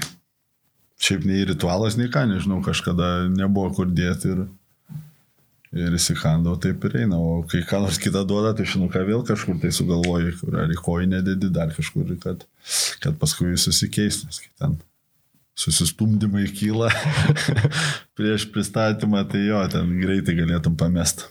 Tęsi šitą tradiciją, ar ne? Ritualą, kaip čia įsireiškia. Tai matai, dabar vėl nesikeičiam, visi gyvengiam tų kontaktų, visi nuo viens nuo kito dabar nuo tolstam, nuo priešininkų, jokių nieko. Tai... Neikštelį kontaktų nebėra, nieko, nieko ne. nebėra, nebeliko. Gerai, Rimavičius Nojus klausė, čia klausimas labiau Naidželiui, bet kaip sekasi Naidželiui su lietuvių kalba? Prastai prastai, ne? Negalėčiau tiesiog net nesiplėsiu prastai. Yra ten, kai jisai buvo žadėjęs ir čia prikalbėjęs labai prastai. Bet pasako labas, ten ačiū, tokius labas, esu girdėjęs. Tomas, čia... Tomas iš vis nesimokė niekada ir nesistengė, jis lygiai tiek pat pasako. Ir nesigirdamas, ar ne? Nesigirdamas. Gerai, Mantelės klausė, ar tuo metu, kai išmetė tritaškai Fenerio krepšį likus penkiom sekundėm, pagalvojai, o jeigu nėra? Aš tai pagalvojau, jeigu taip visada galvotum, tai... ne, tuo momentu, tai bet kurį tritaškį, kai meti, tai tikrai nepagalvojai, kad ar nebus. Visada jauti šiaip, kad ir kokį be mestum, labai, maža, labai mažas procentas, kuris e, tu, lemba neįkris, bet įkrenta. Na, tai jau, tai va šičia būna labai mažas, nes dažniausiai jau, kai o, jau geras, tai jau, jau matai, kad geras, arba jau blogas, tai jau blogas. Tai o tuo momentu tai ten įdomiai buvo ta situacija. Jo, e, buvau pametęs, e, buvau pametęs rezultatą. Buvau pametęs rezultatą, dabar tiksliai neatsimenu, kaip aš jį pamečiau. Tu galvoji, kad trūksta trijų taškų iki Aš pergalės ar lygiųjų? galvojau, kad mes, man atrodo, aš galvau, kad mes dviem pralaimim. A, ir galvoji, ištėmsi komandai pergalę, čia šitaip ar ne? Jo, aš galvojau, viskas arba nieko. Nešios ant rankų, ar ne? Jo, man atrodo, aš dabar sakau, bijau pameluoti, bet kažkaip ten jo, kad liktais, kad kažkur taip pamečiau tą ir, ir paskui tik tai žiū, hmm, keturi. Plus, galvoju, hmm, kažkur pasiskaičiavom. Čia gal ten- suklydo. nu jo, taip ir paskui jau ten jau viską matėt puikiai. Pats. Bet pačiam, pavyzdžiui, geram tam metimui, kaip sakai, ar ne, kad jau jis būtų, ko reikia, ranką sustatyti, koją sustatyti, galvoje, kad nieko nebūtų, kas pačiam yra receptas to gero metimo. Tai irgi viskas jo susideda nuo tas visas taimingas, kaip tu įbėgai, atsistojai, priemi tą kamolį ir apskritai visas dienos pojūtis. Ką prieš tai metėjai, nemetėjai, įmetėjai, neįmetėjai. Viskas, sakau, susideda, bet, bet sakau, va, tą dieną ir apskritai, va, kartais tu ten ateini ir, va, nu, va, jo, va, šitą areną man patinka, aš, va, jaučiu tą areną. Arba ten ateini kitą, nu, va, blemba vad nejaučiu šitos arenos. Ir, ir, ir tu kartais gali daryti, ką nori, nu, vad nejauti ir nors tu ką. Kurios Eurolygos arenos labiausiai nejauti, jeigu topą reikėtų sudaryti? Jaučiu, kad e, Himku bus, nes kažkaip man ten, Ta Rusija kažkaip ar ne? ta šleifas velkasi. Nu, atrodo, ta kažkaip visada jo, ten būdavo daugiausia vos net ten galimybių, nes ten, sakau, atrodo ir, ir ten šaras prikurdavo ir ten koks švedas dengdavo, ten jisai stringa tose užtvarose, išeini ten, ar ten viskas per lengvai gaudosi ir kažkaip ten sunkiausia būdavo, būdavo, mes čia va gal išimtis buvo paskutinės, kai čia jau žaidėm, bet tai ten, ką mes ten žaidėm prieš antrą sudėtį. Tai gal, gal jo, tai ten taip ir gavosi, bet, bet šiaip tai gal jeigu taip renkant, tai taip turbūt sakyčiau, sakyčiau kad, kad ta. O kiek tiesos yra tam pasakymė, tam juoke, kad per laisvas išsimečiau? E, Būna taip, kad e, tikrai, kai niekas nesidengia per daug laisvės, per daug laiko galbūt pasiruošti ir pradedi net galvoti apie tą, kad jau pataikai, nors dar net neišmeti Nu, metimo. tai kaip kokiam ten, sakau, kitam, kitas žaidėjas jis yra toks, kad jis turi ramiai opą susistatyti kojas, ten įkvėpti, iškvėpti ir tada mesti. Tai, o kai jau tu visą gyvenimą ten stengiasi ieškoti tos, e, tos laisvos sekundės ir staiga tu čia Dar arbatos gali išgerti. čia taip. Ir jeigu dar pradedi ruoštis, tai jau žinau, kad jo, tai, tai tavo atstengiasi bet kokią ir tu visada dar laisvas išeini, laisvas, nelauki ir, ir į tą pusę ir stengiasi, kad visada, visada tas vienas, vienas veiksmas būtų tavo metimo. Gedas 77 klausė, ar grįši karjerą pabaigti į mūsų jau paminėtą tauragę. Nežinau, ne, gal sunku pasakyti, negaliu sakyti ne dabar, bet e, ne, gal kada į kokią ten veteranų žvaigždžių dieną vėl atvažiuosi, bet šiaip. tai- Važinė dabar ar net? Nežinau, pykstu dėl to, kad jie va, čia visą gyvenimą glemžėsi mano gimimo. Tai kaip tik vietą, čia reikia tai džiaugtis. Dabar su, supikau ir, ir... Ne, nežinau, bus matyti iš tikrųjų čia dar daug laiko ir nesakau, niekada nesakau ne. Mulevičius klausė, ar visą gyvenimą buvai žinomas kaip sniperis. Tai aš biškai gal e, pridėsiu, ar nuo pat, sakykime, tauragės, ar ten e, prienuose, kai tik pradėjai žaisti, ar ne, iškart jauti, jog tai yra tavo ginklas, o nebandydavai galbūt tai nugarą žaisti arba ten pasas dalinti, žinai, į žaidėjų būti. Ne, kažkaip jau jo, nuo, nuo, net nuo sporto mokyklos laikų gal kažkaip ten.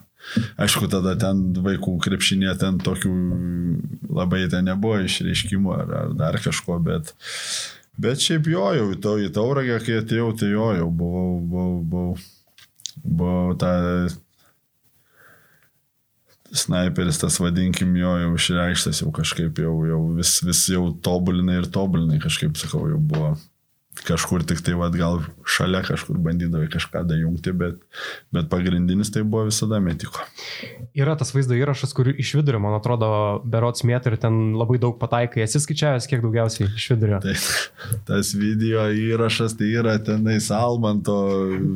Ten Almanto klaida, nes... Ten jisai- Almanto klaida yra visiškai. Jėjo, išgirdo skaičių, nufilmavo paskutinius du, žinai, tipo, ai, trečias dievo į langus eina. Tai Aš pamenu, kaip jam sakė, sako, tau reikia iš karto pradėti filmuoti, ne du likus ten, žinai. Va, nu, bet jis pavėluotai ir atėjo. Buvo klaida, kad nenuėjom į areną pas apsaugą. Buvo tikrai filmuojama ir kažkaip, kai Antanas sugriuvo per pamėtymą, tai nuėjom paimti įrašą, o, o kai įmečiau Rekordas. 13 iš eilės, tai ir nenuėjom. Tai va taip ir sakau, niekada ir nenoriu girtis ypatingai to video, nes yra jis labai jau labai toksai gėdingas, kai tu nufilmuoji du, bet, bet sakau, su jūsų fizinio parengimo treneriu visada po, po metimo eidom tenais persimesti iš gal kokių tenais šešių metimų iš vidurio, ten iš pietų. Kas laimėsim ir, ir kažkaip pagavau tą, tą, tą, tą bangą ir paskui sako, aš jau nebemetu, tu mes kol pramesi ir taip ir jas. Sakau, ten, kur jau Almantas nufilmavo tą vadinkim istoriją ir ten Tai va, yra šiaip nemažai liudininkų. Yra, buvo, buvo va, Justas, buvo Evaldas Berots su, dar su Čeri mėtė, padavinėjo prie krito krepšio. Tai va, net realiai keturių žmonių. Nu, Almanto neskaitau. Almantas, tai Almantas primeluoti gali, kad... Almantas jis visą gyvenimą meluoja. Gerai, važiuojam toliau. Matas klausė, kodėl 21 numeris. Tai nes buvo 12 visada, aš nuo pradžių atėjau su 12 ir kai teko išeiti į Prienus, tada, tada, tada Tadas atėjo, Klimavičius ir pasiemė 12 ir aš jau kai grįžau jau 12 nebeatidavė. Ir Sako, negausi. Negausi, Nu, tai kažkaip sakau, nu ką reikia, atvirkštinį variantą tada imti. Ir paėmiau atvirkštinį. E, Tadas išėjo, bet paskui kažkaip prilipo, visai neblogai sekėsi ir nebegrįžau. Buvo čia minčių kažkurį sezoną gal grįžti prie tų ištakų, bet kažkaip likau ištikimas 21. Anzelmas klausė, kiek varžybinių batų per sezoną sutrini. Sueina. Manau, taip įvairiai, bet šiaip stengiasi turėti vien tik tai, kur tik varžybom žaidži, o treniruotėm kiti, tai Tai du, tai du visada. Dar būna kartais, kartais kokie trys, bet du, tai dvi poros vien varžybom, tai tikrai Mhm. sueina. Gerai, Anzelmas dar vieną klausimą turi. Sprendžiant iš tavo įpročių, peršasi mintis, jog norėtum žaisti su wife beateriais, kur ant šlikučių maikutės, nes visada per rungtynes pasidarai Vandamkės. Vandamkės. Čia gražiai įsireikšta. Vanda. Konfliktinės, ar ne? Ne, aišku, nesupykčiau iš tikrųjų. Gal ne, gal ne ant tiek jau tai jau, kur ten, žinai, tos buvo tokios uh, baltos, tokios būdavo visiškai, kur jau. Vakarinės tokios labiau, jo, jo. Tai ne, gal, bet, e, bet šiek tiek siauresnės, tai man patiktų. Nes anksčiau būdavo iš vis, tai, na, anksčiau jos būdavo tos šleikutinės, o paskui prasidaro, Taip, tai jau kuo platesnės. Tai, Tai buvo ten košmaras, man jos labai nepatikdavo, dar būdavo net susitaipuodavai, kad, nes ten, sakau, krizdavo ten sunku net pakelti. Tai, tai, tai paskui kažkaip ir įprotis susiformavo ir ten, nežinau, kaip ir normali ta maikutė dabar, ten nieko aš tikrai negaliu sakyti, nėra per plati, bet, bet kažkas ten sukasi. E, Dovydas klausė, aišku, kaip klausimas be Virginijaus Šeškaus, ar ne? E, Kai žaidėte prienuose, kas labiausiai įstrigo, kaip pavyko sutarti su Virginijumi Šeškumi? Su Virginijum visi gerai sutarė, kas pataiko.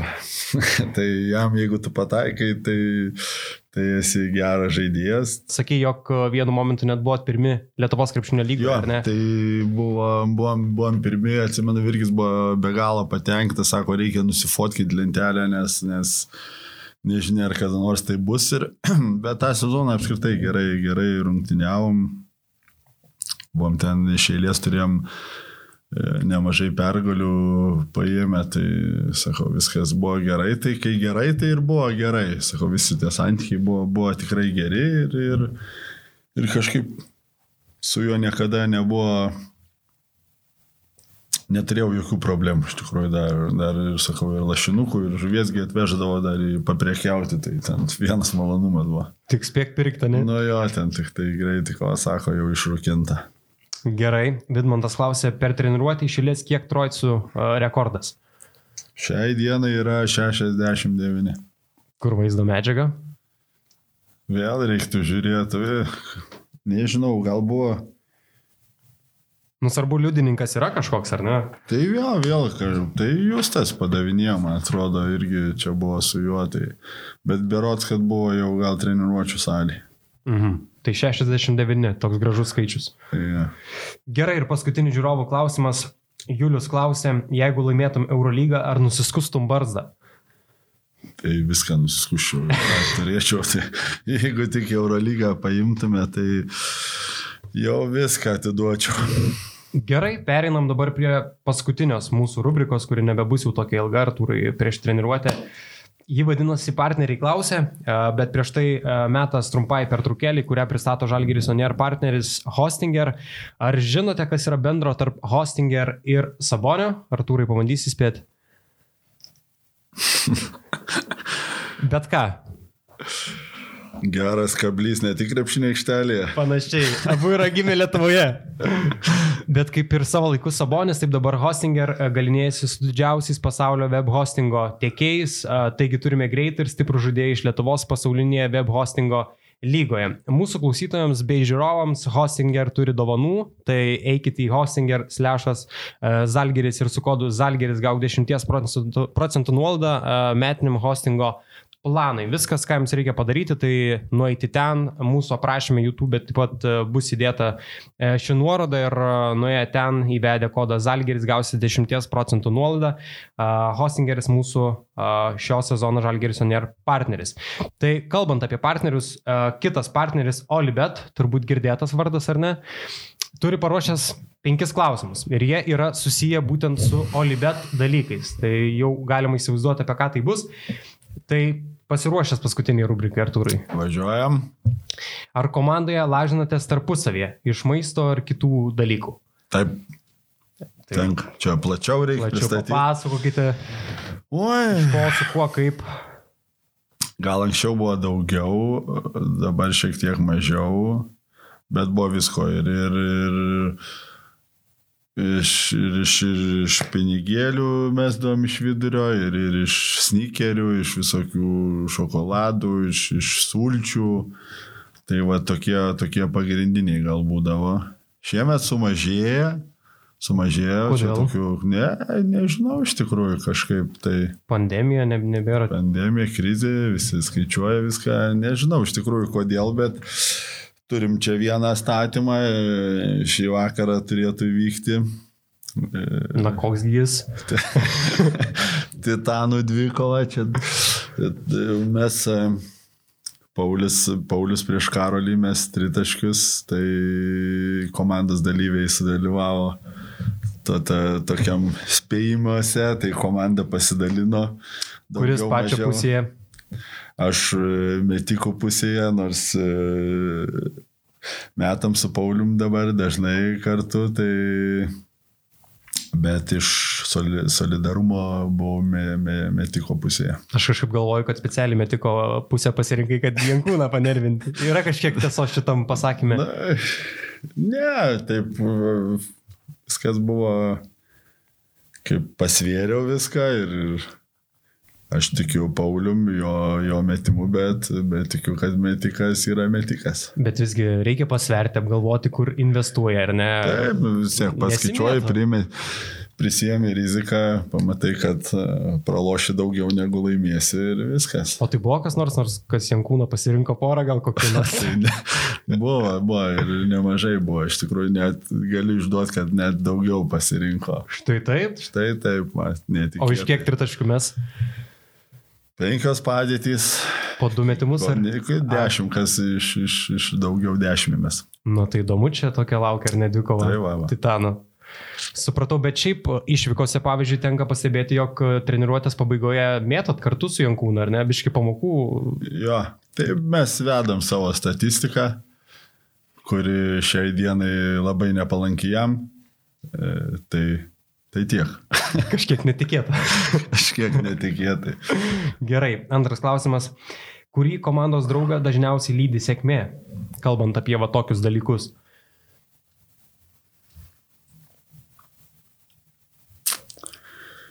Pum, čia dabar tai, sakau, hm, geras klausimas. Net nežinau iš tikrųjų, kas čia taip. Tai realiai vieną kartą buvo iš vidurio treneris kažkada prieš rungtynės buvo sugalvojęs, kad apdovanos vieną žaidėją nuo vidurio, tai Karolis Vatyrimėtė. Tai gal, sakykime, jam ir Kol kas vienas buvo toksai žaidimas šiemet ir jam pasisekė, tai sakykim, kad jam. Aš manau, šį vakarą pažiūrėsim, ar ne, ar sėkmė. Va čia jo, čia. Gerai. O šiaip įdomu, kodėl jie, kodėl jų titanų dvikova. Nes, nu, labai atrodo iš skirtingų barikadų pusių. Taip, Ar čia delegavot jūs kaip komandos, snaiperis? Komandos vakarieniai kažkaip iškylo tokia diskusija ir, ir nuomonės komandos nesutapo, pasidalino ir, ir taip, taip gavosi ten. Nu, čia buvo dar prieš istoriją visa tokia ten anksčiau ir jie mesdavo ir, ir sakau, dabar aš su Paulium, tai va taip ir gavosi, kad reikia įsiaiškinti tarp dviejų metikų, kuris metikas. Tai pažiūrėsit, kaip geresnis. mokinys dabar jau patobulėjęs yra. Tai. Gerai. Kuris komandos žaidėjas geriausiai blefuotų žaisdamas pokerį arba blefuoja, jeigu tenka žaisti? žaidėm ir, ir blefuotojas didžiausias tai beros buvo dar Dimša, buvo dar jo, tai, tai irgi labai čia sublefuodavo. Ir Grigonis, tai prieš tų tai dar Mariukas irgi mėgsta nebūtas kortas įsivaizduoti. Gerai. E, už kurį komandos draugą lažintumėsi automobilių lenktynėse?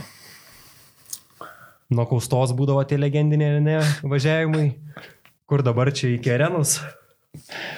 Na, daug, daugiausiai lenktynių Paulius, manau, sudalyvavęs yra, tai tai statyčiau už jį ten, jau kokią jau vis tą mašiną be vairuotų, bet, bet statyčiau už jį, irgi ten buvo tokių visokių, visokių ten dar anksčiau, ankstesniais metais tų lenktynių, tai, tai jisai sudalyvaudavo ir jas yra laimėjęs. Tai sakykime, kad statyčiau už jį. Aš galvoju, už patį statysi ir mėgsti sportinės mašinas viską.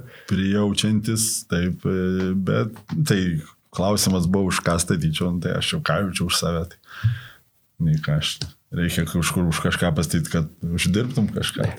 Tenk, tenka, padis, savo... tenka padiskutuoti su komandos draugais apie automobilius. E, pats dažnai išstoji iš šio klausimu. Tai, kad, vat, matai, dabar ir yra ta jaunimo.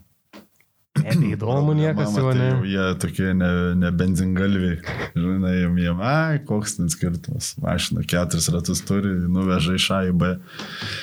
Tai mes dviese tokie mohikanai su Paulium likę, tai pasidalinam visom naujienom, e, kas kokias atsiranda, e, kokie, koks automobilis, ką gali, kaip atrodo. Tai, tai mes dar vienas kitą suprantam, bet jau dabar iš tų visų likusių kažkaip e, kiti dalykai tiek, tiek nėra, nėra meilės tiem automobiliam, kiek, kiek gal būdavo mūsų laikais. Seniau ar ne Jeftokas būdavo Kavaliauskas iš tų ar ne? Jo, tai va čia šita, tai jau čia ten galėjo autobusą užsikurdavo diskusijos ten jo labai, tai va ir, ir tos visos dar ir lenktynės ten iš kažkur kildavo ir jo, tai, tai ir Antanas jis jau toks jau irgi greičio mėgėjas, tai, tai jo, Robertas irgi, taigi ten autoparkas e, įspūdingas buvęs pasyta irgi jis jau, jau sakau,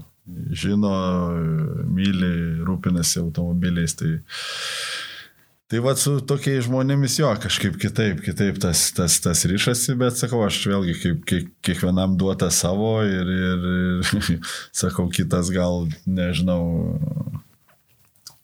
kitur tą, tą jaučia, gal vienam ten PlayStation'as gal labiau patinka negu automobiliai. Sakau. Aš, mes kitos kartos, mes augom, aš nuo pačio pirmo automobilio visada stengdavausi jį prižiūrėti, valyti, ten gyvenai to automobilio ir, ir, ir tos svajonės jos kažkiek tai augdavo ir stengdavausi jas, jas išpildyti ir jau kai įsipildė, tai Tai labai smagu. Nuo pat pirmojo automobilio iki pat Kazanės Toyotos, ar ne? Va, tas įsimaišė automobilis į tokį neplanuotą automobilį. Buvo sugrįžimas vėl į pradinį tašką. jo, bet, bet vis tiek minkštai važiavo limuzino klasės plaukė gatve. Tai klausyk, apie ką dabar diskutuoti, jeigu Hebra apie automobilius nenori diskutuoti? Kitų temų reikia traukti. Yra, tai ten, prasme, oi, ten tų temų yra daug ir kurių negalima į eterį skelbti, bet neliūdna, pas mus tikrai yra, yra, yra tokių temų, kur ir, ir sakau, ir, ir, ir kaip mes veteranai ir su jaunimu tikrai ten nėra tokia didelė praraja, kaip atrodytų, tai yra tų temų, ne vien ten sakau, ką reikia, ten apie automobilius ar dar kažką pasikalbė bet yra tų temų, kuri, kuriam vis, visiems aktualu, nuo pačios politikos iki, iki, iki, iki visokių begalybių. Gerai, ir paskutinis klausimas iš Olibet, kuris komandos žaidėjas turi geriausią nuojautą?